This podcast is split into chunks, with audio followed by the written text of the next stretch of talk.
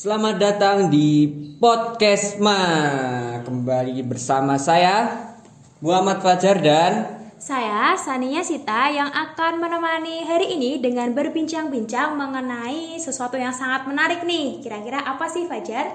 Nah, kira-kira nih kita kan bentar lagi mau UAS dan kita gak, gak bakal lari nih dari istilah-istilah KRS. Nah, mungkin kurang lebih nih sosek angkatan 21 kan masih belum tahu nih KRS itu seperti apa, terus kendala-kendala seperti apa, atau KRS itu ngerencananya gimana, atau alurnya gimana. Nah, mungkin kita bisa memberikan sedikit info dengan mengundang sesosok ya kan, sesosok ya, seorang narasumber yang sangat terpercaya dalam bidang KRS-nya nih. Wah, keren banget. Siapa sih narasumber kita pada hari ini? Siapa lagi kalau bukan Bukan Mbak Mbak Janet. Janet. Halo Mbak Janet, selamat datang. Gimana nih Mbak kabarnya hari ini? Halo teman-teman semuanya, alhamdulillah kabar baik nih. Gimana nih yang lain? Alhamdulillah Mbak dalam Alhamdulillah, keadaan baik baik juga. meskipun sedikit hektik ya dengan banyaknya praktikum dan tugas-tugas yang mulai menumpuk di akhir uh, Betul, semester betul. seperti ini. Oke Mbak, hari ini kita mau berbincang nih Mbak mengenai KRS. Sebelumnya boleh dong Mbak Janet memperkenalkan diri. Mbak Janet ini kan sepertinya di Dema ya Mbak. Itu jabatannya sebagai apa sih kalau boleh tahu?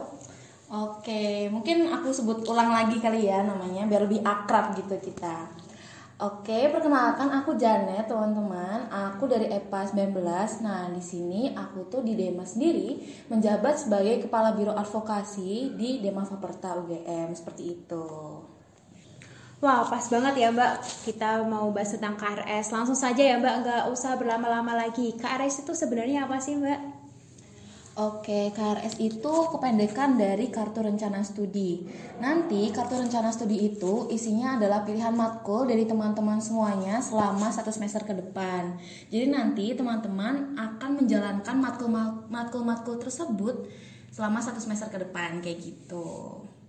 Wah. Kira-kira nih eh, dalam apa menentukan KRS itu kira-kira ada sistem KRS-nya nggak sih Mbak? Itu kira-kira gimana alur-alurnya untuk eh, mengisi studi-studi yang akan kita pilih tuh Mbak? Oke, jadi mungkin dari awal dulu ya. Jadi untuk teman-teman semuanya sebelum KRS nih, teman-teman jangan lupa mengisi EDOM atau evaluasi dosen oleh mahasiswa. Itu penting banget karena kalau misalnya nggak ngisi EDOM nih, teman-teman semuanya nggak bisa ngisi KRS kayak gitu. Nah setelah itu langkah lebih baik teman-teman ini melihat dulu nih kira-kira dosen apa yang mau diambil dan matkul apa saja yang harus diambil itu bisa dilihat di eh, mata kuliah yang ditawarkan. Nanti teman-teman di sana bisa ngeplotting kira-kira jadwal yang paling cocok sama jadwal teman-teman itu seperti apa. Nah, nanti udah nih kalau misalnya teman-teman semua udah ngeplotting, nanti bakal ada pengumuman tentang kapan nih jadwal KRS bagi masing-masing angkatan. Biasanya untuk angkatan baru atau angkatan 21 itu tuh KRS yang paling pertama kayak gitu. Nah, KRS sendiri biasanya dilaksanakan itu tuh jam 8 pagi. Jadi teman-teman jangan lupa untuk standby terus di si master kayak gitu. Nah, nanti untuk pengisiannya sendiri, teman-teman bisa membuka si master di bagian akademik dan di bagian pengisian KRS seperti itu. Wah ternyata terdengar sangat mudah ya Mbak dalam mengisi KRS tinggal kita membuka si master.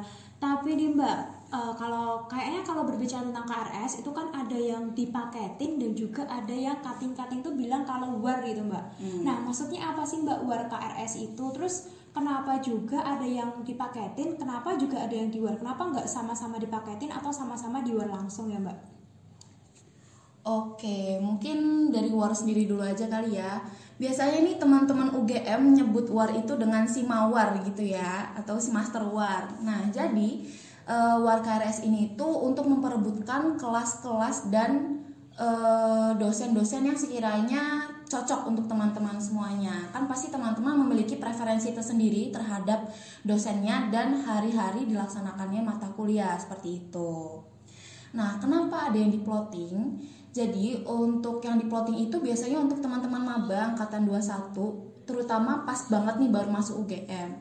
Nah, alasannya kenapa sih kok diplotting? Nah, karena kan teman-teman semuanya kan benar-benar baru masuk nih ya dan mungkin belum paham dengan sistem KRS. Maka dari itu dari pihak akademik itu ngeplotting biar teman-teman semuanya tuh nggak bingung sendiri gitu tuh. Kayak gitu. Nah, kenapa nih nggak di plotting aja atau di war aja semuanya? Nah, alasannya tuh sebenarnya balik lagi sih ke akademik masing-masing karena e, kalau misalkan di fakultas lain sendiri tuh ada yang di plotting sampai lulus dan ada juga memang yang udah war dari semester 2 kayak gitu. Nah, kita nih e, fakultas kita kebetulan mengadopsi sistem yang kedua kayak gitu. Jadi kita harus war di setiap semesternya untuk memperebutkan kelas dan dosen kayak gitu. Wah itu sangat sengit sekali ya itu mungkin buat KRS-nya. Nah mungkin di setiap buat KRS kan bakalan ada kayak kelas yang bisa kita apa bisa kelas yang bisa tidak kita pilih terus kita harus terlempar ke kelas lain. Nah itu kan setelah itu kan kita bakalan apa KRS harus di approve dulu nih. Nah kira-kira nih ketika sistem approve-nya itu bermasalah atau unapprove itu tuh kira-kira kendala apa aja sih yang biasanya terjadi ketika un unapprove KRS? Oke, biasanya kalau misalkan dari DPA sendiri itu biasanya tuh lebih cenderung untuk nge-approve semuanya. Nah, bisa jadi teman-teman itu di, di nggak di approve itu karena teman-teman itu belum memenuhi prasyarat dari mata kuliah tersebut. Misal nih, teman-teman ini kan uh, setiap mata kuliah itu ada mata kuliah prasyarat sebelumnya. Misalkan contohnya nih ya di Sosek, Sosek sendiri kan ada mata kuliah ekonomi mikro untuk EPA. Nah, itu tuh syaratnya ada nih e, mata kuliah manajemen dan ekonomi pertanian. Kayak gitu. Nah, kalau misalnya teman-teman ini belum memenuhi nih di mata kuliah MEP-nya, nah teman-teman otomatis nggak bisa ngambil ekonomi mikro kayak gitu. Nah, itu yang memungkinkan teman-teman semuanya untuk nggak di-approve sama DPA kayak gitu. Oke, terima kasih Mbak. Sangat jelas ya teman-teman. Oh ya, sedikit informasi. Tadi kan Mbak Janet sempat menyebutkan ada kata DPA. Bagi teman-teman yang belum tahu, DPA itu dosen pembimbing akademik gitu ya. Jadi nanti setiap uh, mahasiswa di UGM itu pasti memiliki DPA-nya masing-masing. Oh ya Mbak, mau nanya nih. Kalau misalkan kita mau ke RS-an itu wajib nggak sih Mbak yang namanya konsul ke DPA? Oke, diusahakan ini ya kalau misalkan setiap mau ke RS-an itu diusahakan untuk selalu konsultasi ke DPA karena agar DPA ini tuh paham gitu teman-teman tuh ngambil matkul apa matkul apa yang nggak diambil dan DPA sendiri itu bisa memberikan saran nih dan gambaran terkait matkul-matkul yang nantinya itu bisa teman-teman laksanakan di semester depannya kayak gitu. Baik, mantap banget ya Mbak. Oke, sekarang kita akan masuk ke pertanyaan yang terakhir ya Mbak. Tadi kan berbicara mengenai war lagi nih. Pastinya kan kita perlu persiapan yang matang selain mempersiapkan internet yang maksimal. Kira-kira ada nggak sih Mbak tips dan triknya yang harus kita kuasai sebelum kita war KRS? Oke, untuk tips and trick sendiri, teman-teman yang paling pertama pastinya jangan lupa bikin uh, apa namanya kayak semacam wow. second case oh, gitu kan kayak misalkan nih teman-teman kan udah nyusun nih di awal hmm, hmm, hmm. ngeplotting maunya matkul ini nih mau dosen ini tapi kan belum tentu ketika lagi war KRS itu hmm. semuanya itu berjalan sesuai dengan rencana teman-teman jadi hmm. teman-teman itu harus bikin rencana kedua bahkan hmm. rencana ketiga kalau misalkan nanti uh, sekiranya kelas yang teman-teman tuju itu penuh kayak hmm. gitu. Nah, jangan lupa dari teman-teman sendiri itu untuk mengisi edom karena e, belajar dari pengalaman tahun lalu itu tuh masih banyak mahasiswa yang eh, nggak e, bisa ngisi KRS karena belum ngisi edom. Jadi kan e, otomatis waktu lagi war KRS itu kan panik duluan kan. Jadi kayak udah pecah fokusnya dan segala macem. Jadi usahakan teman-teman ngisi edom dari jauh-jauh hari ketika edom itu dibuka biar nanti teman-teman waktu KRS-an tuh bisa lancar kayak gitu. Nah teman-teman ini diusahakan waktu lagi KRS-an ini tuh uh, situasinya kondusif ya biar teman-teman itu nggak pecah fokus ketika lagi memilih mata kuliah mata kuliahnya seperti itu.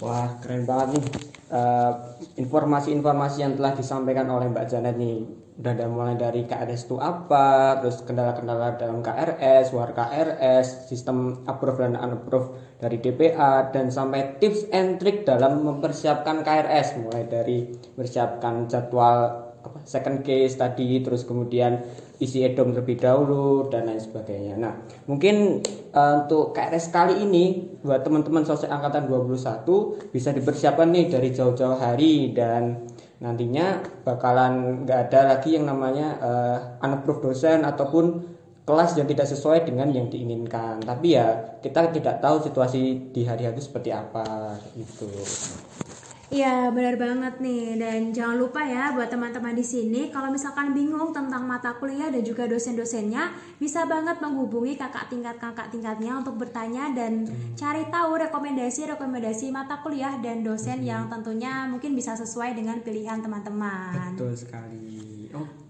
Oke, sepertinya sampai di sini saja ya podcast kita di episode kali Oke. ini. Terima kasih Mbak Janet yang telah menemani kita. Oke, terima kasih banyak juga nih untuk teman-teman yang udah apa namanya berkenan untuk mengundang aku, untuk teman-teman semuanya, terutama angkatan 21. Semangat ya nanti KRS-annya, semoga apa pun yang udah direncanakan itu berjalan dengan sesuai kayak gitu. Amin. Oke, mungkin ada kata-kata terakhir dari kami sebagai podcaster pada episode terakhir podcast Ma di tahun ini. Dan, dan sampai jumpa di podcast Ma selanjutnya. Sampai jumpa dan tetap semangat menjalani hari-hari kuliah di UGM. See you. See you, dadah.